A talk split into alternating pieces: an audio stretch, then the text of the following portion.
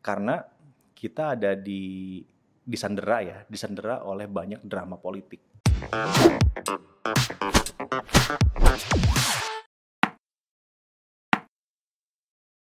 Mas Babu, thank you banget. Siap, Saya. Coach.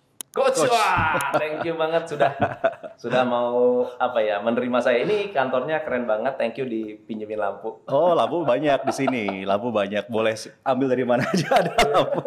Studio semua soalnya di sini, Mas. 6 tahun yang lalu seminggu sekali ke bawah. Oke, di TV-nya ya. Di TV-nya Iya, sama iya, iya. Ini sama Fanny Rose. Mbak Fanny Rose. gantian tuh ada Rene, ada Oh, Rene Sardono. Oke, iya. Itu dodonya teman juga tuh. ya, ganti-gantian. Kenal semua. Mas Bablu kita Yes. ngobrol-ngobrol agak sedikit ini ya, nggak apa-apa yang ngalor ngidul nggak apa-apa ya. Boleh. Yang ngalor ngidul biasanya biasanya viral. Yang viral lah. Oke, oke. So, uh, mungkin pertanyaan pertama adalah gimana uh, bisnis media saat ini gara-gara pandemi terpengaruh makin bagus, makin Media ya. Kalau media secara umum, bahkan data yang kita terima ya dari berbagai eh, sumber data itu malah eh, ketibaan rezeki karena Ketibaan orang kan rezeki, tinggal di rumah. Betul. Orang tinggal di rumah menghabiskan waktu ya pasti lewat media. Iya. Jadi apakah itu media konvensional seperti televisi ataupun juga radio eh, ke media-media baru ya kayak YouTube, eh, Facebook, Meta dan macam-macam itu juga mengalami peningkatan yang sangat signifikan. Jadi ada spike yang lumayan tinggi tuh mas dalam dua tahun terakhir. Ya pokoknya yang berbau digital itu di dua tahun kemarin eh, mengalami akselerasi yang cukup tajam lah ya. Karena eh, keadaan kondisi memaksa kita semuanya beradaptasi sama digital dan menjadi bagian yang inherent sama ruang digital. Benar, benar. Apalagi sekarang uh, kayak uh, Harvard Business Review, Hmm. Forbes, mereka sudah subscription ya. Betul, Jadi betul. boleh lagi uh, Kompas juga mulai ya. Mulai, Mulai banyak sekarang hampir semua media sudah mencoba untuk membangun bisnis model baru ya, Ya. eh, beradaptasi dengan eh, perilaku dari generasi eh, millennials dan juga Z yang mereka punya behavior yang berbeda kan untuk mengakses media itu. Ada yang lewat subscription, ada juga yang lewat eh, apa? Tetap ya konvensional, basisnya adalah eh, eh, advertising base Ya. gitu. Tapi semuanya eh, sama-sama mengejar engagement. Engagement. sama-sama mengejar engagement. Dan kita nih konten kreator pasti kalah sama media ya. Pasti kalah ya. Oh, belum tahu, belum tentu, belum Iya tentu. dong. Media Kenapa? bisa bikin konten setiap berapa menit gitu kan. Oke. Posting di Mhm. YouTube Mm-mm. dan viewersnya selalu selalu banyak mungkin Oke. karena orang orang nunggu berita Ya, di YouTube bukan nunggu di televisi gitu ya. enggak juga sih. Enggak juga. Enggak juga. Karena sekarang ya eh, semakin lama penikmat atau kalayak eh, media lama konvensional seperti televisi dan media baru itu berbeda. Oh. Ya, jauh berbeda gitu. Profilnya juga jauh berbeda dan ini digunakan sama beda orang ya, beda. beda orang. Beda orang. Beda Oh. orang. beda orang, beda eh, geographic, beda eh, interest. Ya. Eh, orang yang most likely menggunakan eh, media baru jarang menonton televisi biasanya. Betul. Juga nonton televisi umumnya nggak terlalu apa menikmati bermain eh, media Sosial baru media, atau sosial ya. media gitu. Jadi ini juga menarik dan kajian ini digunakan sama tim kampanye politik, Mas Tom. Oh. Jadi eh, tim apa kampanye politik atau konsultan politik itu mereka betul-betul menggunakan data itu untuk bisa nanti targeting ya, Nah. kampanyenya kayak gimana, yang lewat televisi yang seperti apa, lewat sosial media seperti apa gitu. Karena konten yang sama nggak bisa juga di eh, apa di posting atau di upload di media baru begitu saja, Iya. karena bisa jadi beda reaksinya. Oke. Barusan saja ini saya meeting sama salah satu, salah satu platform besar ya. Ah, nggak usah disebutin platformnya, tapi dia mempertanyakan kenapa kok konten yang ini di platform itu hampir tiga bulan nggak ada, padahal uh, performance-nya bagus, banget. Bagus banget. Ya, setiap kita upload itu berapa juta views gitu Iya, selalu iya, ya. iya. Saya jawab simple karena di TV ratingnya nggak bagus. Barusan aja saya meeting itu. Jadi di televisi itu ratingnya nggak bagus, tapi di sosial media bisa sangat Yes. baik gitu. Makanya nggak bisa membangun pola ya, yang di TV seperti apa, yang di sosial media seperti apa, karena ya rumusnya beda, perilakunya beda, eh, penontonnya juga beda. Apalagi yang di sosial media kan ada algoritma dan macam-macam yang ini kan nggak ada. Ya yang so- sosial media itu ada interactivity dan macam-macam yang ini nggak ada. Jadi betul-betul berbeda. Nah, ini gitu nih saya ngomongin soal politik. Sebetulnya kalau misalnya para pengusaha ini bisa mengerti bagaimana cara berpikir para konsultan politik, Mhm. bisnis itu pasti lebih keren ya. mestinya sih gitu. Iya nggak sih? iya betul. Betul mestinya Kalau- sih gitu Kalau mereka tahu gi- gimana cara baca data, gimana cara mengerti uh, behavior di Iya, televisi, iya. bisnis pasti lebih lebih oke.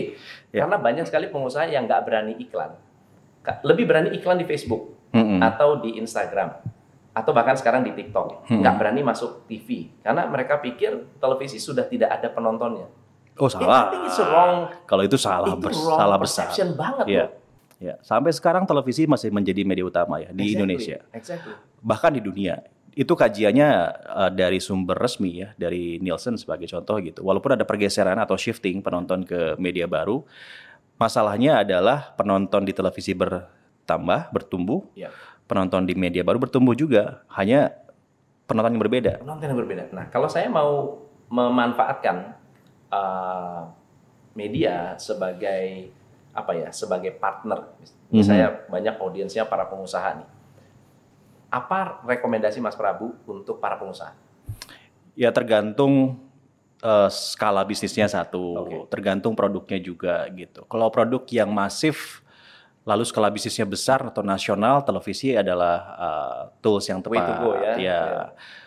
Orang nonton dan gini, needles teori itu sangat eh, terjadi atau berjalan di media lama ya. Ya, ya, ya. Beda dengan di media baru, media baru tuh prosesnya agak berbeda tuh. eh, Hmm. Bagaimana hubungan antara media dan kalayaknya. Ya. Tapi kalau di media lama kayak televisi, itu kan bentuknya kayak propaganda.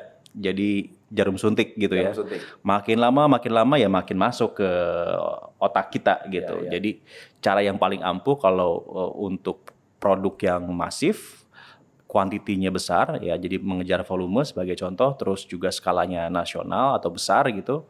Televisi itu masih jadi platform yang sangat efektif buat Oke. buat beriklan, bahkan efisien.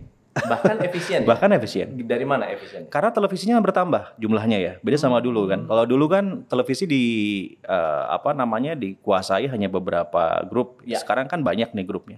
Bahkan ada televisi lokal segala. Tambah lagi sekarang ada digital free to air, Ya. yang channelnya banyak banget gitu kan. Akhirnya kan free to air. digital free to air. Sekarang ini kan masih free to air, masih analog ya. Ya, ya. Tapi eh, Kominfo sudah menargetkan November ini semua frekuensi analog itu akan di shutdown, Ya. dimatikan dan berpindah ke digital free to air. Konsekuensi dari digital free to air ini adalah channelnya semakin banyak karena Hmm. eh, frekuensinya itu eh, bisa apa me- me- menangani ya jumlah channel yang sangat banyak. Kalau yang sekarang ini di analog kan hanya 12-13 channel, itu juga udah dipaksain Itu udah dipaksa. sudah tidak optimal gitu ya. Nah karena semakin banyak jumlah eh, pemainnya atau jumlah kanalnya, maka rate cardnya akan semakin turun. Kecuali pada kanal-kanal tertentu, program-program tertentu yang memang sudah punya kepemirsaan cukup eh, baik atau tinggi ya. Itu mungkin bisa tetap bertahan gitu. Berarti ke depannya kita nonton televisi masih lewat harus pakai cable TV atau atau gimana? Kalau Mainnya. sekarang bisa lewat mana aja. Jadi digital free to air itu lewat eh, apa namanya pemancar atau antena ya. Antena. Itu bisa dapetin sinyal digital sekarang. Hmm. Tinggal nambahin eh, setup box. Hmm. Jadi ada konverternya untuk ngubah sinyal analog menjadi sinyal digital ke TV. Ya. Eh, nanti berubah tuh konten yang kita akses itu bukan lagi konten analog tapi konten digital. Walaupun channelnya sama, tapi sudah lebih jernih karena kualitasnya HD. Lalu jumlah kanalnya lebih banyak, jauh lebih banyak. Bisa sampai 90-an kanal sekian. Bentar lagi, Mas. Ini ini keren ini. Keren. Jadi benar-benar bisa menyaingi ya buat orang yang punya budget small budget bisa memilih media yang cocok atau pas untuk eh, budget mereka juga gitu ya. Iya, iya pasti. Dan kalau misalnya gini, kalau misalnya eh, apa iklan di TV itu nggak efektif, ya harusnya iklan udah nggak ada Udah dong di nggak TV. ada. Sekarang masih banyak di TV-TV apa eh, utama ya, ya iklan masih masih ngantri Masih gitu. ngantri. Bahkan di grup saya ini untuk masuk ke satu TV itu syaratnya harus beriklan di empat TV gitu karena Oh. satu TV aja slotnya udah habis gitu harus di eh, bundle ya sama semuanya. Dan Gitu, harga Mas. juga masih belum turun juga ya. Harga masih oke lah. Masih Maksudnya oke eh, gini, as bisnis masih bisa jalan, masih grow gitu ya.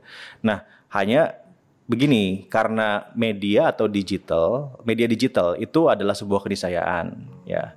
Saya menyebutnya media itu pasti akan mengalami disrupsi juga seperti eh, bisnis-bisnis yang lain. eh, disrupsi media gitu ya. Untuk survive, maka media konvensional ini harus mau beradaptasi Ya. gitu ya, harus melakukan transformasi. Kalau saya menyebutnya harus melakukan morfosis. Karena transformasi aja nggak cukup. Kalau transformasi aja kita lebih melihat eh, perpindahan media lama ke media baru itu dari aspek teknis, teknologi. Eh, integrasi ke channel internet misalnya, kemudian eh, hire editornya atau ya pokoknya aspeknya teknis ya. Tapi kalau morfosis itu sampai ke perspektif ya mindset. Pola pikir orangnya juga harus berubah gitu. Saat kita mentransformasikan televisi ke media baru sebagai contoh gitu. Eh, bagaimana caranya agar eh, bukan jadi cost center Ya, ya. karena kan penting ya, ketika kita bikin entitas media baru, pada saat yang sama kalau kita tetap mempertahankan model bisnis yang lamanya, ini jadi cost center. Ya. Tapi kalau kita jadikan media baru ini media baru ini sebagai revenue center, ya ini bisa dikombine nih gitu. Gimana caranya di media lama kita eh, beradaptasi, eh, adjust dengan persaingan dengan media baru sehingga cost-nya bisa diturunkan, Ya. menjaga profit. Yang media barunya kita tumbuhkan, naikin profit, Naikin profit. gitu. Aku penasaran dengan kata-kata Mark Twain. Nah, atau atau sebelum ke sana. Kira-kira kenapa ada banyak orang yang eh, beralih atau tidak lagi nonton televisi? Ada kan pasti kan dulu semuanya kan nonton TV. Mhm. Terus terus Mhm. beralih gitu. Ya. Apa sih sebetulnya yang memotivasi mereka untuk beralih atau berpindah atau lebih nyaman di di di, di platform lain? Mhm. Yang pertama teknologi jelas ya. Ya. Jadi eh, interplay teknologi yang begitu kompleks dan menggiurkan itu membuat eh, banyak eh, manusia ya lebih nyaman atau memilih untuk mengakses eh, konten media atau mengakses pesan ya informasi itu lewat media yang, yang lebih intim, lebih personal. Lebih intim. Betul karena teknologi sekarang memungkinkan media itu jadi eh, barang pribadi. Ya.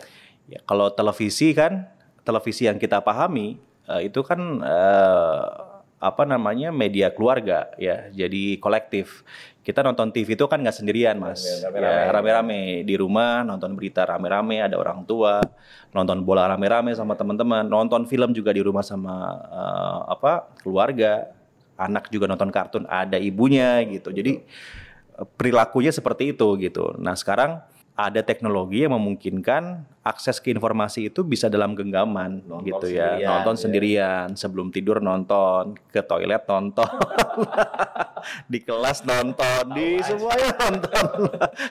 Jadi media masuk ke ruang pribadi eh, seseorang sekarang ini dan itu dimungkinkan karena ada teknologinya. Iya. Kalau teknologinya nggak nggak ada ya nggak bisa ya. Jadi karena ada teknologi itu akhirnya banyak yang eh, memilih ke sana. Tetapi juga ada yang tetap bertahan, eh, Mas Tom, dengan eh, televisi yang kita bayangkan Iya. dulu gitu ya. Ada yang tetap masih melihat bahwa televisi sebagai media utama mereka. Eh, terutama mereka yang memang pertama tidak familiar dengan teknologi. Yang kedua eh, keterbatasan infrastruktur karena kan untuk mengakses eh, informasi lewat eh, smartphone itu kan datanya juga harus Ada ada biaya. dan nggak murah Betul. gitu kan belum koneksi lalu juga memori teknis mas Loh, tapi ini benar kan Iya. ya kalau kita nonton di sosial media kan kita pasti download, save dan macam-macam akhir akhirnya kan memori jadi eh, penuh. Kalau memori penuh nggak nyaman nonton di handphone karena kan jadi lambat gitu ya. Benar, benar, benar. Hal-hal teknis gini kadang-kadang kita lupakan Iya, iya. yang membuat seakan-akan kita mikir oh enggak media itu sekarang udah pindah ke media baru gitu ya. Sebetulnya enggak juga gitu. Ada perpindahan tapi juga jangan lupa bahwa penonton yang tidak puas ya dengan media baru itu juga ada. Nah, saya yakin gini, Mas. Media itu kan tadi saya bilang ya, mengalami morfosis itu ada teorinya dari Fiedler. Jadi media itu dari dulu ke sekarang itu mengalami berbagai macam uh, bentuk evolusi ya. Kayak manusia gitu. Dulu kan uh, orang berkomunikasi atau bertukar pesan itu lewat uh, relief ya atau lewat kertas gitu. Itu aja udah canggih dulu Iya. tuh. gitu. Bisa menuliskan sesuatu di kertas aja orang tuh udah wah ini apa gitu. Lalu teknologi berkembang, ada telegram, tambah lagi telepon, masuk ke radio, masuk ke televisi. Zaman kita dulu televisi itu kan udah canggih juga Iya. gitu. Kita berlomba-lomba kan beli televisi paling besar gitu. Iya, benar. paling besar, pokoknya paling apa warnanya. Sekarang udah beda yang paling tipis sekarang. tipis. Jadi terus berubah sesuai dengan perkembangan teknologi, perkembangan politik, perkembangan eh, ekonomi juga. Eh, karena gini mas, setiap negara itu beda-beda kan perkembangannya. Di Indonesia barangkali sudah mengalami nih masa masa-masa smart TV dan macam-macam. Tapi banyak negara yang memilih untuk tidak seperti itu. Hmm. Ya, ada negara yang makanya tadi saya sebutkan kan pengaruhnya bukan hanya teknologi tapi juga politik juga. Ada negara yang memang secara political will tidak mengizinkan negaranya untuk berkembang sejauh itu. See. Kan ada juga ya negara seperti itu. Bisa karena politik, bisa karena ekonomi. Nah, perubahan yang evolutif ini eh, apa akan terus terjadi, Mas. Iya. Jadi media baru ini, ini belum bukan akhir, saya Bukan sangat akhir. yakin. Ini ini ini masih awal-awal ya. Masih awal-awal. 10 20 tahun lagi mungkin bentuk media akan beda, Iya. akan keluar dari apa yang kita bayangkan Oke. sekarang. Dan itu ada teorinya Savos teori ya. Per 30 tahun media itu akan berubah bentuk Per 30 per 30 tahun. tahun. Jadi mereka eh, kajian ini mencoba untuk mengkuantifikasi perubahan media sampai akhirnya dilihat ada pattern bahwa bahwa media itu selalu memiliki momentum Ya. untuk berubah setiap 30 tahun. Entah karena teknologi, entah karena politik, entah karena sosial, entah karena ekonomi, pokoknya selalu punya momentum buat buat berubah Iya. media tuh. Mas Prabu, kan media ini kan usianya sudah cukup lama ya. Ya. Dan uh, sudah kalau lihat pola pasti sudah bisa membaca lah pola Mm-mm. masyarakat, Mm. perilaku dan seterusnya. Viral itu ada polanya nggak? Ada. Atau jangan-jangan media yang memainkan membuat ini menjadi viral gitu. Nggak, maksudnya gini, bikin konten viral itu eh, gampang nggak sih? Menurut saya bisa, Bisa. gitu ya. Tapi nggak semuanya eh, punya will untuk melakukan itu, Oke. gitu. Ya contoh, ya kalau mau viral sekarang kita berantem aja mas nih di YouTube Ya, ini. ya, ya. Saya yakin kontennya jadi viral. Ya, rame ya, rame ya. ya kan kalau ngomongin pattern kayak gitu Ya. pasti ada gitu Eh, apa bikin perdebatan yang seru di di apa di sebuah konten gitu dan itu kan bisa disetting juga Ya. gitu itu bisa viral Bisa gitu. viral. opportunity atau possibilities untuk viralnya eh, besar sama kayak di TV juga kan Ya. di TV juga kan nggak bisa bikin show itu as it is kita Hmm. mesti setting ada storyline-nya. Dan semua itu dibentuk kenapa? Karena kita melihat data kan. Di Oh. minute by minute-nya oh kalau dikasih berita kayak begini Oh, naik gitu. iya, iya, kalau iya. beritanya kayak gini turun. Sekarang udah jauh lebih kompleks mas. Kita udah me- apa merancang rundown berita itu atau rundown program itu udah minute by minute Oh. karena grafiknya betul-betul setiap menit setiap menit gitu ya Kan Wow. kalau di platform kita kan masih masih per jam Betul, betul. kalau di TV udah per menit Iya, iya, mas iya, gitu iya. per menit itu berubah grafiknya gitu Betul, betul. Eh, bahkan ketahuan larinya ke TV mana nih penonton saya tuh ketahuan mas Oh, Bisa ya? bisa Wow.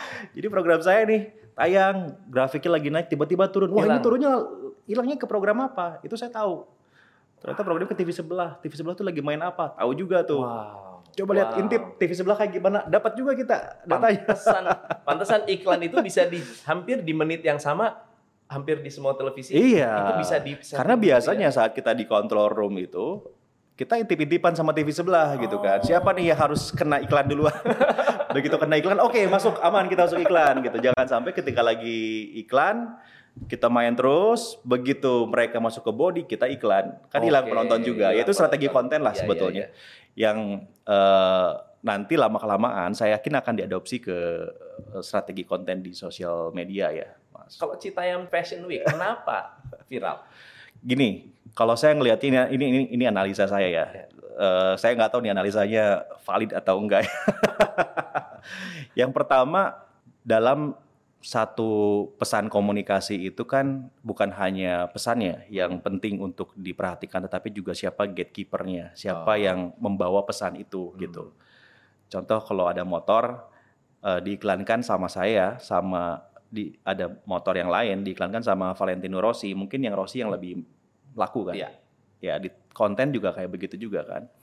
Eh, kalau saya bikin konten ini di YouTube saya barangkali nggak akan seviral kontennya Mas Tom. Oh. Nah, Beda. ya nggak? kebalik gitu. Sama juga dengan di apa Citayam ini gitu. Citayam ini ya it happen pada saat terjadi ada gatekeeper yang muncul kan, yang tiga orang itu, Ya. empat orang kalau nggak salah ya. Saya mau pura-pura nggak hafal, tapi hafal, juga Hafal sebenarnya. hasilnya. saya selalu kalau hafal, wah ngikutin nih berarti. tapi ya udahlah, semua orang tahu kan ada JJ, Roy Bonge sama Bonge. si Kurma itu kan Kurma, gitu. ya. Berempat itu kan jadi gatekeepernya Hmm. kalau kita bahas dari dari komunikasi ya. Tanpa empat orang itu Citayam nggak akan sampai Citayam ya. Citayam Walaupun hanya akan sebelumnya sudah rame ya, maksudnya Iya, kan tempat betul. yang udah, Tempat udah yang- lama sebenarnya. udah setahun lebih kali Benar. tempat itu ada mas dan saya kalau lari lari pagi lewat situ juga gitu Hmm. biasa aja sekarang mungkin nggak bisa lari ya karena ramenya Rame banget. nah eh, sebelum ada empat figur ini empat gatekeeper ini ya Citayam hanya kita maknai sebagai eh, diksi geografi ya Iya. ada di sebelah sana lah Iya. pokoknya gitu kalau ke sana tuh pakai kereta ini pakai kereta itu dan macam-macam kalau sekarang udah jadi pergerakan gitu Benar. kan pergerakan budaya bahkan Eh, rame pula karena gatekeepernya bertambah nih Hmm. Nah, ada the rich kan The masuk Rich, juga ke situ Sekarang yang yang yang yang pemain lama udah bergeser. pemain lama udah kegeser gitu ada juga youtuber-youtuber terus si cakep si cantik gitu Iya. kan yang awal mulanya kan DNA-nya nggak seperti itu Iya. gitu. Nah saya pikir konflik itu yang membuat orang punya ketertarikan ya mas pada eh, CFW ini ya Iya, iya, Citayam Fa- Fashion Week ini gitu. Jadi konten itu bisa besar, pesan itu bisa jadi besar karena itu tadi ada gatekeeper yang eh, yang memainkan perannya dengan sangat baik sih menurut saya di di CFW. Tanpa disengaja ada endorse endorse ya. Betul. Endorse endorse sana, Iya. endorse ini. Iya. Akhirnya lama-lama ya lama-lama rame juga gitu. Iya pasti. Itu sih konsekuensi ya mas ya. Iya. Ketika udah viral kemudian semuanya akan merapat. Yang saya khawatirkan tuh gini loh mas dari Citayam ini. Saya takutnya eh teman-teman ini ya yang udah di yang udah ada di sana, lalu kemudian mereka mulai mendapatkan paparan ekonomi ya dengan endorse lah, dengan eh, apa kontennya jadi meledak, terus dapat monetizing dan Iya. macam-macam. Tapi kemudian ini hanya sementara gitu, Iya. seperti terjadi pada pergerakan-pergerakan budaya yang lain, Lain. gitu. Nggak lama ini melandai, apalagi juga sekarang aparat sudah mulai represif kan, Iya. melarang eh, apa Citayam Fashion Week itu dilakukan, lalu ya eh, gone. Nah ini anak-anak ini terus gimana nih? Benar. Yang udah secara psikologis ya Mas ya sudah mengalami Udah jadi, guncangan, udah jadi bintang udah juga. jadi bintang gitu. Dia udah berubah eh, perilakunya, pola hidup dari yang awalnya biasa-biasa aja jadi seseorang Iya, gitu kan. iya. And then ketika nggak ada itu tiba-tiba hilang. Terus gimana gitu ya? Terus gimana? Kan kita juga sama ya punya jabatan, tiba-tiba jabatan yang nggak ada kan ada Power sindrom power, syndrome. power syndrome. Nah, Dikasih ini- beasiswa aja nggak mau. Eh. Lebih enak bikin konten katanya. Nah, gimana ini ini kepikir nggak sama publik satu ya, yang kedua sama ya siapa pun lah yang mencoba untuk mengcapitalize ya si CFW ini. Eh, saya termasuk orang yang lebih senang eh, gerakan seperti ini harus organik. Organik. Menurut saya ya harus organik, karena kan sebetulnya eh, punya potensi besar ya apa Harajuku ini Iya, iya, iya.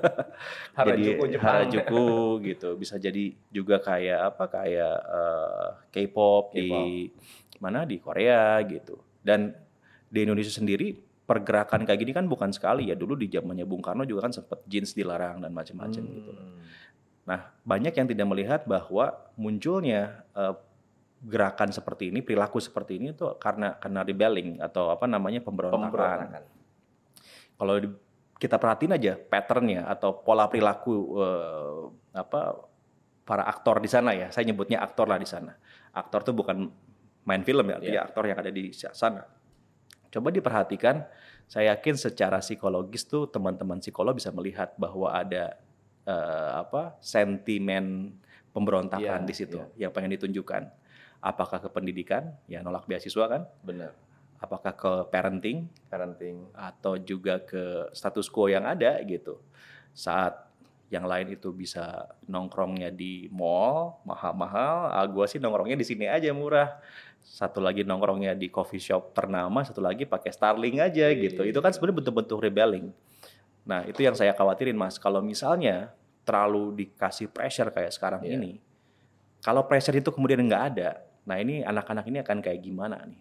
Tapi kan Eh, bukan ini ya Mas Prabu ya. Peranan media juga banyak sekali me- me- me- apa ya?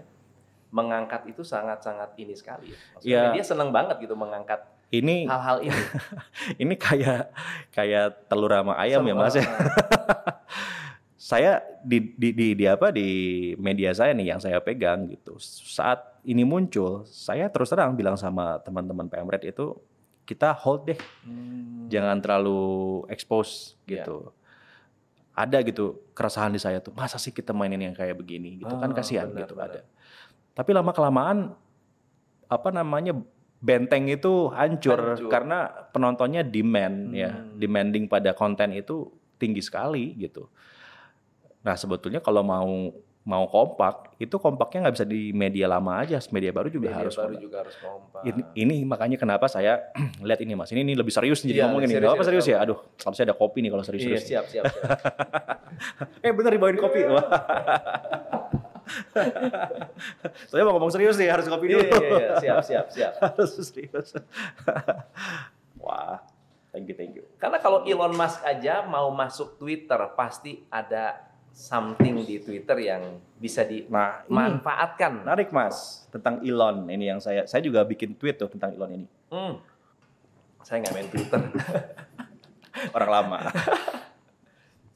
gini Elon tuh kan mau beli Twitter tapi pakai syarat dia kan ya, ya. saya Dia mau, mau kayak punya suara lah di situ ya. satu itu yang kedua langkah pertama yang akan dia lakukan adalah mem- mem- menghapuskan bot Bot. ya akun-akun bot Ya, itu ya, sama ya. dia akan dicari dan di kick out Ya. gitu itu yang kemudian Twitter nggak setuju kan dan nggak ketemu nih sama sama sama, sama Elon on this thing saya Elon side gitu Oke, karena oke. eh, ruang digital tuh sekarang udah kayak ruang hidup Hmm. kalau misalnya kita membiarkan akun-akun itu mempunyai identitas lain Ya. maka kita kayak di dunia nyata itu membiarkan orang nggak berKTP Hmm, bener, bener, bener, bener. ya enggak dia bisa Iya, lakuin iya, apa iya. aja teriak apa aja Bener banget. tanpa ada Bener konsekuensi apa-apa. Bener, bener, bener. kita kan karena ada KTP ada identitas Iya. ya saya kenal sama Mas Tom Mas Tom kenal sama saya saya nggak mungkin teriak-teriak sama Mas Tom nih Setuju. ada norma yang kita pegang ada kontrak sosial yang terjadi bahwa sesama manusia tuh nggak boleh teriak-teriakan gitu Bener, kan. bener. kalau mau kritik ya kritiknya sopan. Bener. karena kita sama-sama tahu identitasnya. Kalau saya melanggar itu Mas Tom bakal ngomongin sama orang lain kan. Wah si Prabu tuh kurang ajar gitu kan nggak berpendidikan dan macam-macam ya nah kalau di sosial media dibiarkan akun-akun ini muncul dia bisa teriak apa aja bisa ngomong apa aja bisa melakukan apa namanya eh, upaya destruktif lah ya pada ruang digital ya efeknya akan sama kayak kita membiarkan orang-orang nggak punya identitas masuk ke kehidupan nyata gitu. Betul, betul. makanya Elon pengen basmi itu kan. Hmm. dan bot ini juga penting untuk menjaga netralitas dalam ruang digital gitu. Kan salah satu hal yang terjadi ya di Facebook saat Cambridge Analytica itu Iya. terjadi kan karena ada akun-akun bot yang masuk gitu Bener, ya bener. dan dimainkan sama sama si consultant itu gitu. Nah di sinilah menurut saya peran negara mas. Makanya serius nih. Oke serius. Wah, saya Kenapa saya ke negara? ke mana-mana sering ngomong Kenapa ke bicara negara? karena gini mas eh, ruang digital tuh udah jadi ruang ruang republik sekarang nggak bisa Hmm. enggak gitu kalau dulu kita masih menganggap ruang digital tuh ruang intim ruang pribadi sekarang kan udah enggak Betul. mas Tom aja bikin konten ini berharap publik nonton Benar. bukan buat konten sendiri Benar, benar, benar, benar. Iya enggak Pengennya viral, tadi pengennya viral, viral. Iya. makanya sama-sama kayak kita bikin konten di TV kan pengennya ditonton sama orang banyak udah masuk ke ruang publik Sa- sayangnya ruang digital ini belum diatur sama negara Hmm. diatur tuh bukan berarti nggak boleh ini nggak boleh itu ya bukan Iya, iya. tapi mesti ada norma-norma bukan norma lah mungkin ya bisa dibilang kontrak-kontrak ya yang disepakati antara negara dan yang punya platform Betul. dengan YouTube, dengan Facebook, dengan eh, Instagram, dengan TikTok, dengan Twitter. Ini negara harus punya nih dealnya nih. Yang lo akan masukin ke negara gua ini, yang akan lo akses Iya. gitu ya, itu warga negara saya ini Iya, gitu, harus saya iya, iya, lindungin. Betul. Nggak bisa masuk begitu aja, terus ngerusak uh, Benar. generasi kita atau rakyatnya Indonesia. Dan ini dilakukan sama negara lain, mas gitu. Hmm, benar, Ya. benar. Jadi di Amerika nggak aturan untuk bikin konten ada. Iya. Ya, memang ada yang di mereka lus di kita nggak. Kayak contoh, contohnya porn. Porn di Jepang boleh, di Amerika juga bisa Iya. gitu ya, bahkan legal. Di kita nggak boleh. Ya contohnya itu bikin konten gitu kan. Di sana boleh, ada yang nggak boleh. Di Indonesia juga harus seperti itu Iya. juga. Yang boleh apa, yang nggak boleh apa. Mesti ada, mesti masuk negara ke platform. Nggak bisa sebebas sekarang. Apalagi dengan adanya algoritma, ini Hmm. bahaya banget. Kalau dibiarkan begitu aja tanpa intervensi negara, yang mungkin terjadi adalah polarisasi. Polarisasi. Ini akan Kayak- kejadian terus kayak kemarin. Ini nanti bentar lagi dong Bisa du- jadi. 2024. Makanya Lebih pinter lagi sekarang caranya. lebih pintar. Iya. Makanya negara harus masuk. Iya, nggak iya, bisa iya. hanya media saja, nggak bisa hanya publik aja. Negara juga harus masuk. Kalau Mas Wisnu itu sebutnya kedaulatan digital. gitu. Kedaulatan digital. Presiden juga bahkan beberapa kali sudah menyebutkan eh, istilah ini ya, kedaulatan digital ini di eh, pidatonya beliau gitu. Penting banget ini Mas, Mas Tom. Saya sebetulnya kegelisahan saya ini karena Mas Prabu udah ngomongin kayak begini, saya mungkin agak eh, mau mau sharing kebingungan. Actually Mhm, kebingungan. Kebingungan kita ya sebagai eh, pelaku bisnis atau pengusaha. Kita kalau bikin konten bagus tuh nggak ada yang nonton. Bikin konten jelek banyak yang nonton. Ya. Oke, itu satu lah. Oke lah. Ya. Kita karena mungkin audiensnya lebih banyak yang eh, lebih suka yang hiburan. Oke. Tapi ada sisi lain yang menurut saya lebih mengkhawatirkan itu begini. Ada satu kasus Mm-mm. pelecehan seksual dilakukan oleh seorang eh, kepala sekolah Oke, di Malang ya. yang selama berbulan-bulan bebas. Mm-mm. Nggak ada, maksudnya ya sudah ada sudah ada pengadilannya Hmm. dan memang su- saya nggak tahu statusnya apa, Hmm. tapi yang pasti bebas, tidak Iya, ditahan. iya. Diundanglah korban Mm. ke podcastnya beberapa Cokro TV dan Hmm, hmm, hmm. Deddy Kobusier. Begitu naik di Deddy, kan itu membentuk opini, Mm-mm. membentuk kesan, membentuk uh, suasana bahwa ini adalah korban. Nggak lama ditangkap orangnya. Mm-mm. So pertanyaan saya adalah netizen yang mengatur pengadilan Iya. atau sebetulnya pengadilan punya kedaulatan ini jangan nggak bicara digital aja nih. Itu yang disebut dengan post truth kan. Nah, terus yang kedua adalah ada istilah saya juga baru dengar nih istilahnya trial by the press. Trial by, by the press. Ya. Trial by the press saya juga baru dengar bahwa ini sudah ada pengadilan sebelum pengadilan. Mm-mm. Jadi orang sudah digiring ini tuh salah. Ya. Dia udah salah walaupun dibener kalau press bilang salah ya salah atau Hmm. kalau press bilang bener bener. Mm-mm. Nah, ini gimana nih, Mas? Ini agak agak beda nih mas. Kalau yang di digital ya, di di di, di media baru itu uh, ada yang disebut dengan thumb activism. Hmm. Jadi aktivis jempol Iya. gitu ya. Uh, dia karena jempol ini nggak punya otak, Iya. jadi gampang Iya. nulis ya kan. Memberikan komentar, memberikan stigma gitu ya. Uh, sangat responsif Iya. gitu kan, sangat responsif. Jadi betul-betul ada ada konten masuk, ada paparan masuk, dia punya kesimpulan, bahkan terbawa sama arus, ya, Betul. sama ruang publik yang terjadi saat itu. eh apa Habermas saya lupa ngomongnya apa ya, tapi intinya eh, orang itu kan ngikutin arus utama Betul. gitu ya. Saya menganggap si A itu jelek ya karena Banyak popul yang ya populasi yang menganggap dia jelek tuh banyak dan Iya. saya nggak mau orang tahu bahwa saya tuh opposite Iya, iya, iya. pengennya kan pro supaya jadi Betul. bagian dari pergerakan itu gitu. Benar, benar. analoginya tuh gini nih kita di satu tempat lokasi gitu ada perempuan diperkosa nih sama sama seseorang gitu Iya. ya Nah, kita yang di sosial media ini kan langsung pasang kamera videonya upload wah lagi ada apa kekerasan kayak gitu kayak gini kan terus ini bikin hashtag kan Iya. hashtag selamatkan korban hashtag selamatkan korban lupa korbannya belum selamatin Iya. kebakaran, kebakaran. bentar selfie dulu. Iya. lupa belum diselamatin disebutnya thumb activism Iya. gitu ini satu-satu apa perilaku eh, dari netizen yang meresahkan Iya. lah. dan itu jadi kajian komunikasi para ini ya para eh, profesor lah di bidang komunikasi gitu nah kalau di media baru itu eh, prosesnya seperti itu mas Iya. tapi kalau di press press eh, media Media ya media resmi resmi. itu kita pasti punya eh, proses Betul. untuk kemudian kita punya sikap editorial. Ya. gitu. Prosesnya panjang benar. Gitu. Nggak gampang ya. Wartawan bikin berita dia bawa ke editor di ruang redaksi. Editor ruang redaksi akan lihat dulu ini beritanya benar atau enggak Hmm. saat beritanya agak sensitif akan dibawa ke rapat redaksi. Di rapat redaksi akan ditentukan berita ini naik atau nggak naik gitu.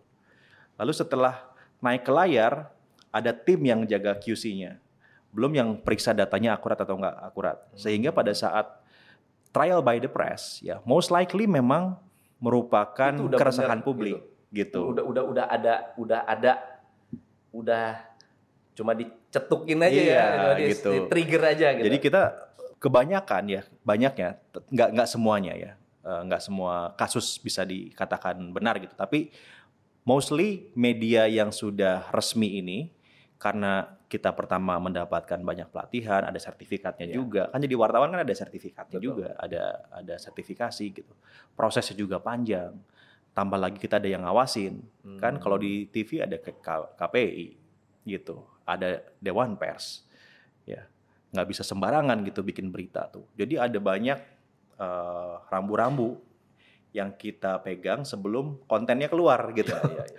Agak beda sama media baru nih. Betul. Media baru tuh kan nggak ada yang ngawasin, semuanya bisa bisa keluar begitu aja. Nah ini eh, makanya nggak bisa disamain nih antara trial by the press and trial by netizen. Iya, yang yang agak beda yang, gitu. Yang saya maksud adalah gini, betapa bahayanya kalau the credible uh, press ini Mm-mm. misalnya ditunggangin, misalnya, Mm-mm, mm-mm, misalnya mm-mm. ditunggangin, lalu kemudian netizen ditunggangin juga pakai bot gitu kan, Mm-mm. lalu menciptakan opini yang karena bot juga kan bisa Iya. buzzer-buzzer itu kan Betul. juga di, di- diciptakan untuk Mm-mm. misalnya menggiring opini Mm-mm. juga Mm-mm. karena saya juga pernah ngalamin kejadian gitu. Iya, iya. Uh, opini saya karena ada isu apa lalu kemudian banyak buzzer yang menyerang. Mm, mm, Kalau ini sampai terjadi dan tidak ada kedaulatan tadi, mm, mm. Betapa mengerikannya gitu. Sangat. Ya, kalau di sosial media atau di digital itu masih terbuka lebar. Terbuka lebar.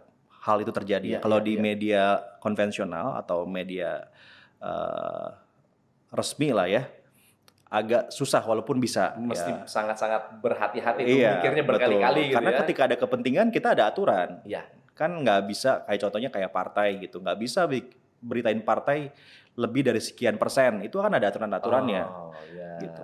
sinetron misalnya ya jangan kan jangan berita aja deh sinetron sinetron kita tuh kan ada aturannya nggak boleh ada adegan suami bukan eh suami dan eh apa laki-laki sama perempuan Laki-laki bukan suami istri dalam ranjang itu kan nggak ada aturannya kalau Iya, di iya. di Indonesia gitu Iya, iya, iya. nggak boleh ini nggak boleh itu ada ada semua aturannya nggak boleh orang judi terus happy ending nggak boleh tuh ada aturannya mas Ada itu ya? serius itu ada aturannya jadi ada aturan penyiaran orang-orang yang berbuat jahat itu nggak boleh akhirnya happy ending Oh. kalau di free to air di penyiaran kita tuh nggak bisa. Oke. Orang yang karena buat jaga moral. Iya. Jadi orang-orang yang melakukan kejahatan, membunuh atau judi atau pemerkosa Iya. gitu ya. Kalau di sinetron kita harus akhirnya Iya. Jelek Harusnya ceritanya. yang jelek itu pasti kehukum Betul, lah. betul. Ya, ya kena karmanya Iya. dia. jadi ada, ada aturan kayak begitu kalau di di di media yang eh, media apa ya kita sebutnya ya ya media massa lah Media massa, media ya. massa gitu ada aturan-aturan kayak begitu di media baru belum ada Oke. oke. Nah ini yang maksud saya tuh kenapa negara harus Setuju hadir banget, iya. gitu. Bukan untuk untuk bukan untuk lo nggak boleh bikin konten kayak gini, bukan bukan untuk itu. Iya. Tapi untuk make sure bahwa semua orang paham apa yang bisa dibuat jadi konten. Ah, itu keren, penting keren. gitu. Negara itu bisa loh mas punya intervensi. Algoritma itu bisa diintervensi sama platform. Hmm. Contohnya gini deh, Eh, akun-akun yang eh, apa namanya yang potensial kan di engage langsung sama platform kan. Betul. Lo bikin kontennya kayak gini, kayak gini, kayak gini. Ntar kita bantu bus. Ah, Iya nggak? Benar. Artinya kan itu kan di, benar, benar, benar. Kita juga saya juga sering ya gitu. kan? Iya kan? Artinya kan bisa diintervensi dong. Bener banget. Nah, Bener kalau banget. misalnya hal itu dilakukan juga sama negara, konten-konten yang bagus tuh harus dibus. Yang jelek oke lah, nggak usah diapa-apain. Tapi yang bagus-bagus tuh lu mesti mesti apa Udah dukung. Ada ini ya, dia udah pilih nih. Ini, Iya. ini diatur nih. Agar apa? Ruang digitalnya balance, Mas. Keren, keren. Antara yang konten yang kita bilang jelek ya sama konten yang bagus gitu. Konten bagus itu positif ya, Mas ya. Konten positif itu udah dibikinnya hati-hati, kayak kita kan ngomongnya hati-hati Iya. gitu kan. Nyebut nama ya nggak berani. Yang nama nggak berani, kata-kata kotor nggak boleh Iya. keluar. Ini kalau saya ngomong kata-kata kotor pasti viral juga Pasti nih. viral. Wah, pembawa berita nih ngomong begini kan. Tapi ada ada di sebelah sana yang bebas aja ngomong Iya, ngomong sebebasnya gitu dan lupa yang nonton anak-anak. iya. Ya, ada konten yang ngajarin tentang lu gayanya gimana sih ada kayak gitu juga kan. Lihat views wah gila. Lihat deh ininya, insight penontonnya. Hmm, bener. Saya sangat yakin itu yang nonton pasti anak-anak kecil. anak-anak kecil. Bener. Lihat deh. Nah, negara tuh harus punya tuh kedaulatan pada hal seperti itu. Iya, Boleh bikin konten kayak gitu, boleh silakan. Tapi platform harus tanggung jawab dong. betul. Pastikan yang nonton nggak boleh age sekian, Iya, iya. ini sekian, mesti dibatasin. Dan pada saat yang sama, karena ruang digital itu kan walaupun tidak terbatas, tapi kita yang nontonnya kan terbatas, Mas. Hmm. kita nonton kan waktunya maksimal 24 jam sehari ya. Kalau kita nontonin terus ya 24 jam. Kalau misalnya feed kita, feed kita kan tipis ya, Mas. kecil Mas ya. Hanya di segitu segitu aja kan layarnya ya. Dari 100 konten yang kita baca, 60-70 persennya itu konten sampah gitu Sampah. ya. Ya pikiran kita jadi sampah juga dong lama-lama. Bener banget, bener banget. ya nggak Mas? Itu kok saya saya saya, saya sangat mendorong yang namanya eh, digital sovereignty ya. Dan ini bukan barang Indonesia aja, negara lain sudah melakukan itu dan bentuknya macam-macam mas. Eh, nanti masalah lain adalah publisher rights ya, contohnya. Yang kedua nanti tentang data, Iya. data protection. Eh, saya punya akun YouTube, Mas Tom punya akun YouTube, punya Instagram, punya sosial media. Pertanyaan saya datanya ada di Indonesia atau di luar? Hmm, bener. Waktu lagi subscribe, kasih nomor kartu kredit, terus mereka baca perilaku kita mengakses konten, Iya. itu datanya tuh ada di kita atau ada di luar gitu. Di Eropa udah ada GDPR Hmm. yang ngurusin memastikan bahwa data eh, penduduk Eropa yang menggunakan sosial media di platform itu datanya mesti ada di Eropa, Betul. nggak boleh keluar dari Eropa gitu. Itu sebetulnya yang menyebabkan si Facebook sekarang iklannya berkurang gara-gara data-data itu makin masing-masing negara makin Makin punya restriction Iya, yang iya. kuat. Tapi itu keniscayaan. Maksudnya gini, kalau kita mau tetap menjadikan ya dunia ini lebih baik ya, Iya. mau nggak mau lah konsekuensinya harus ada juga Iya. gitu. Nggak bisa juga kita. Sejauh mana pemerintah sudah mulai memperhatikan ini? Maksudnya sudah terbuka belum sih Hmm, mata pemerintah? Ada inisiatif. Ada inisiatif. Sudah mulai ada inisiatif gitu. Walaupun belum masih jauh ya dari yang seharusnya bisa kita lakukan. Eh, sekarang ini terus terang eh, digital eh, initiatives itu ya masih fokusnya ya fokusnya masih di infrastruktur Ya. ya tapi juga ada hal lain yang harus kita benahi. Misalnya ya budaya digital sebagai contoh kemudian juga manusia digitalnya talent digital kemudian eh, digital policy ya. Ya contohnya ini mas. Nih eh, SDM digital nih saya mau ambil mau mau bahas nih di sini gitu.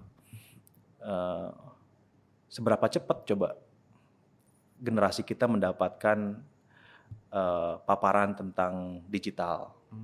Gitu. Kan kalau dulu ya saat kita sekolah Mas, kita kan diajarin budi pekerti kan. Iya. Si Budi itu kan banyak banget tuh kita baca ya. Betul, si betul. Budi sama siapa lagi tuh namanya tuh. Budi sama Wati. Budi Awawati. Budi Awawati, ayah dan ibu itu kan nggak ajarin macam-macam tuh. Kalau sama temen nggak boleh gini, nggak boleh gitu. Ada nilai-nilai ini, nilai-nilai itu gitu ya. Eh, di digital, anak-anak kita emang pernah dapat paparan di Instagram itu ya hati-hati kalau nge-repost. Nge-repost itu konsekuensinya begini, begini, begini, Hmm. Begini. Kalau komentar, komentar tuh begini, begini, begini. jangan sampai komentar seperti ini, seperti ini, seperti ini karena konsekuensinya seperti ini, seperti ini. Ada nggak? Nggak ada. Nggak ada. Padahal mereka, Mas Adim nih pasti. ya, padahal mereka pakai itu semua mas, Iya pakai. buat betul. berinteraksi sama teman-temannya. Tapi nggak ada yang ngasih edukasi tentang itu. Betul, betul. Jadi anak-anak kita ini ya udah mencari jati dirinya sendiri aja, Iya. disebutnya di, di, di identification of himself, of of uh, themselves gitu. Mereka mencari jati diri di ruang digital itu sendiri. Itu juga kenapa kadang-kadang persona digital sama nyata jadi beda. Beda. Ya, kalau ketemu langsung dengan Wah, kalau komen pedes banget. Pedes, Kalau beda. ketemu, oh? Iya, bener, bener mas gitu. Ya karena nggak ada nggak ada edukasinya. Itu baru ngomongin masalah itu ya, eh, apa budaya digital ya, digital culture gitu.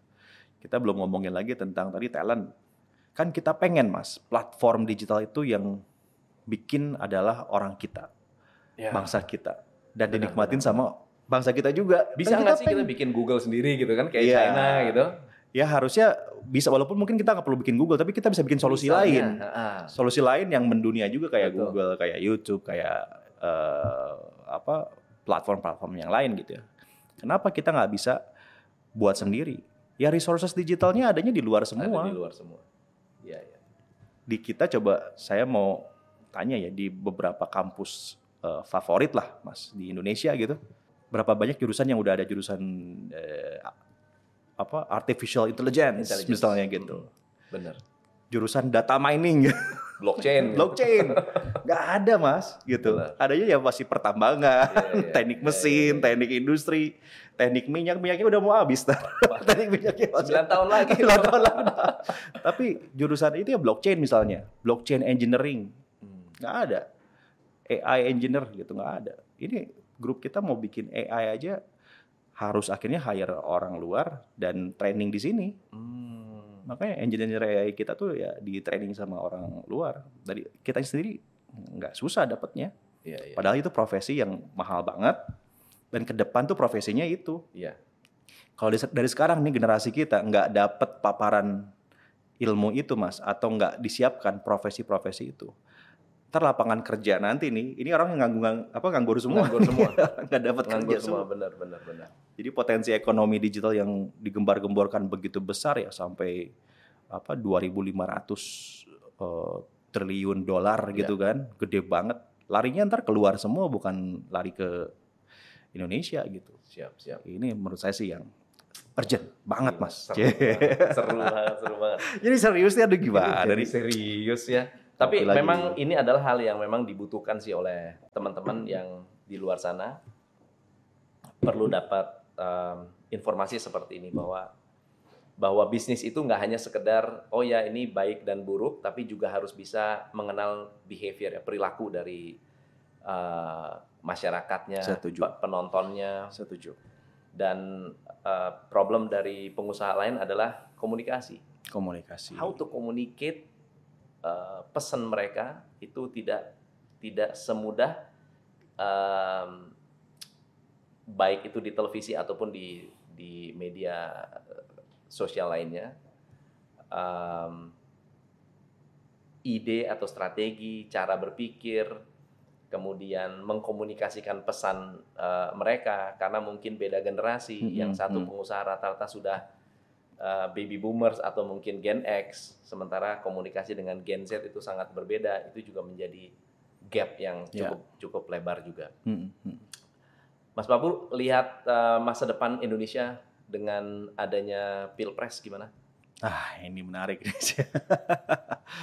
ya, kalau saya gini Mas, tentang Pilpres ya. Eh, Pilpres 2024 itu dan pileknya eh, juga sama ya. Hanya tinggal setahun eh, enam bulan. Setahun enam bulan. Iya iya iya. 2024 Februari. Betul betul betul. Setahun enam bulan. Udah nggak lama lagi Mas. Iya iya iya. Belum ada cerita apa-apa nih gitu. ya kan? Udah nggak lama lagi, tapi kita masih nggak ngerti nih kita tuh mau milih siapa. Betul.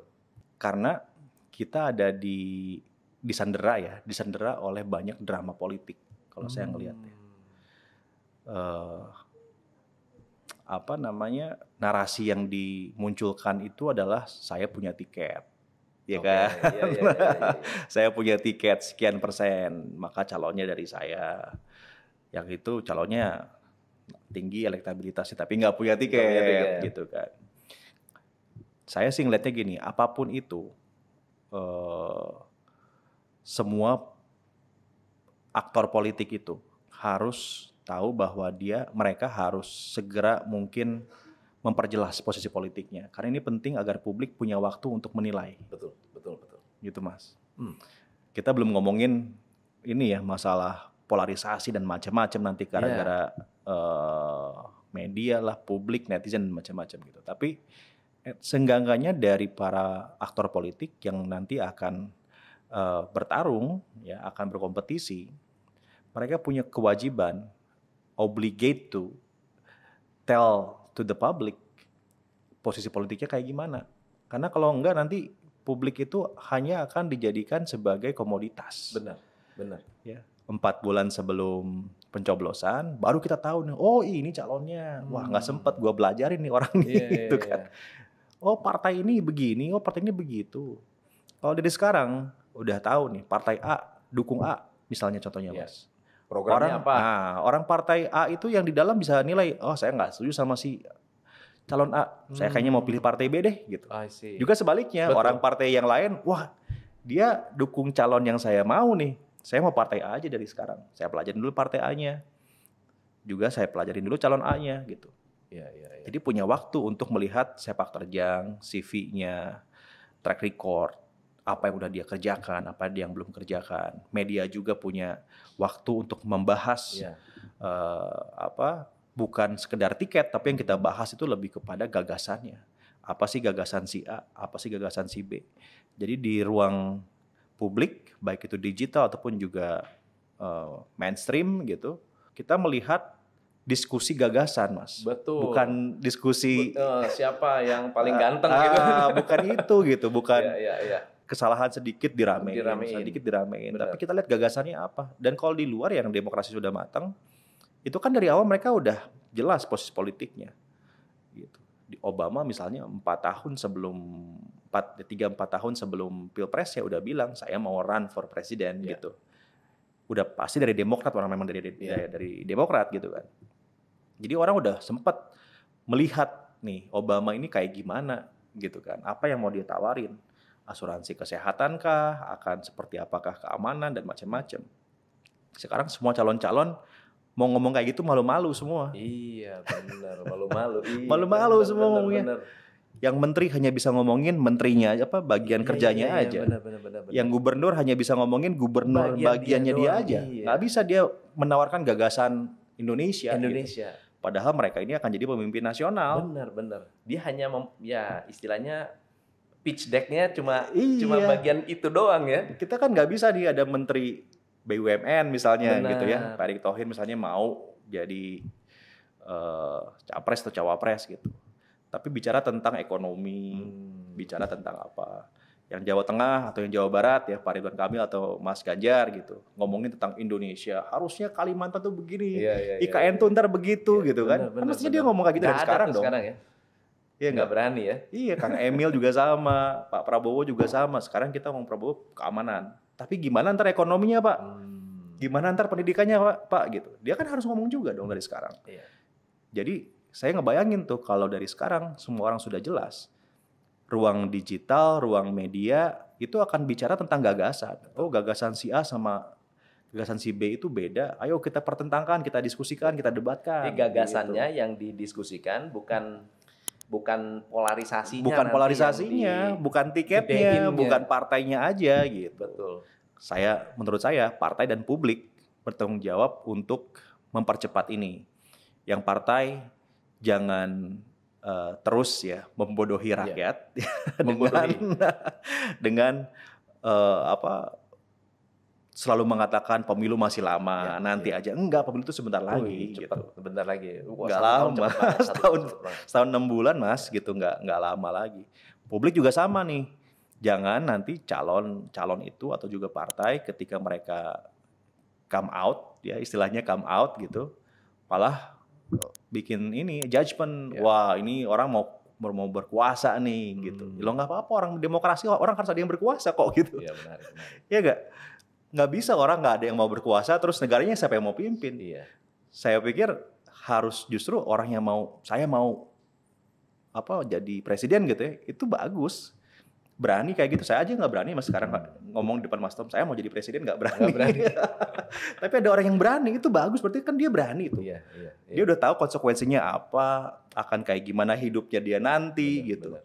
yang paling penting apa yang what can you offer for the country what can you offer for the people jadi publik juga jangan sampai nih ada orang yang nanti misalnya duluan ya muncul saya mau mundur dari jabatan saya mau fokus untuk eh, memenangkan pilpres gitu Iya. ya wah ini orang nih haus kekuasaan jangan Hmm. Justru bagus Ya memang memang harus begitu. Memang harus begitu ya. Namanya juga kita udah pilih demokrasi, Benar. udah pilih jalan apa sistem tata negara kita ya lewat pemilu. Orang milih siapa yang dicalonkan gitu kan. Bukan sistem monarki atau sistem apalagi ya eh, otoritarian gitu kan yang eh, milih pemimpinnya itu ditunjuk. Iya. Enggak gitu kan. Kita sudah memilih jalan ini. Memang masyarakat kita ini kan senang sama eh, sinetron ya Mas ya. Hmm. Senang drama. Senang drama. Jadi kadang-kadang yang dipilih adalah yang dramanya banyak gitu. yang dramanya banyak, yang punya cerita, wah datang dari bawah, Oh, Iya kan? benar, benar. terzolimi ini, terzolimi Iya. itu, wah apa jalannya berlubang Iya, dan iya. macem-macem perjuangannya luar biasa. Kita seneng we buy that kind of story gitu. Padahal mungkin bukan itu kompetensi yang Iya, dibutuhin tapi buat memimpin negara. Untuk memimpin negara nggak seperti itu. Iya, walaupun juga nggak salah. Iya. Kalaupun ada pemimpin yang lah yang yang punya background Punya story background seperti itu story. nggak kenapa-napa juga. Tapi at the end of the day, siapa pun itu orangnya, apakah dia berasal dari orang kaya, ya, Iya, the iya, rich iya, gitu, ya, the rich. or the poor gitu ya, idenya atau narasinya bisa bawa negara kita lebih baik nggak gitu? Itu Iya. kan yang lebih lebih penting gitu. Itu sih mas. Keren, keren. Mas Prabu, thank you banget. Ih, saya yang makasih banyak Mas. Today, aduh. Moga-moga ini viral ya. Amin, amin, amin. Viral ya, awas. Moga viral. Awas. Hanya di Top Coach Indonesia.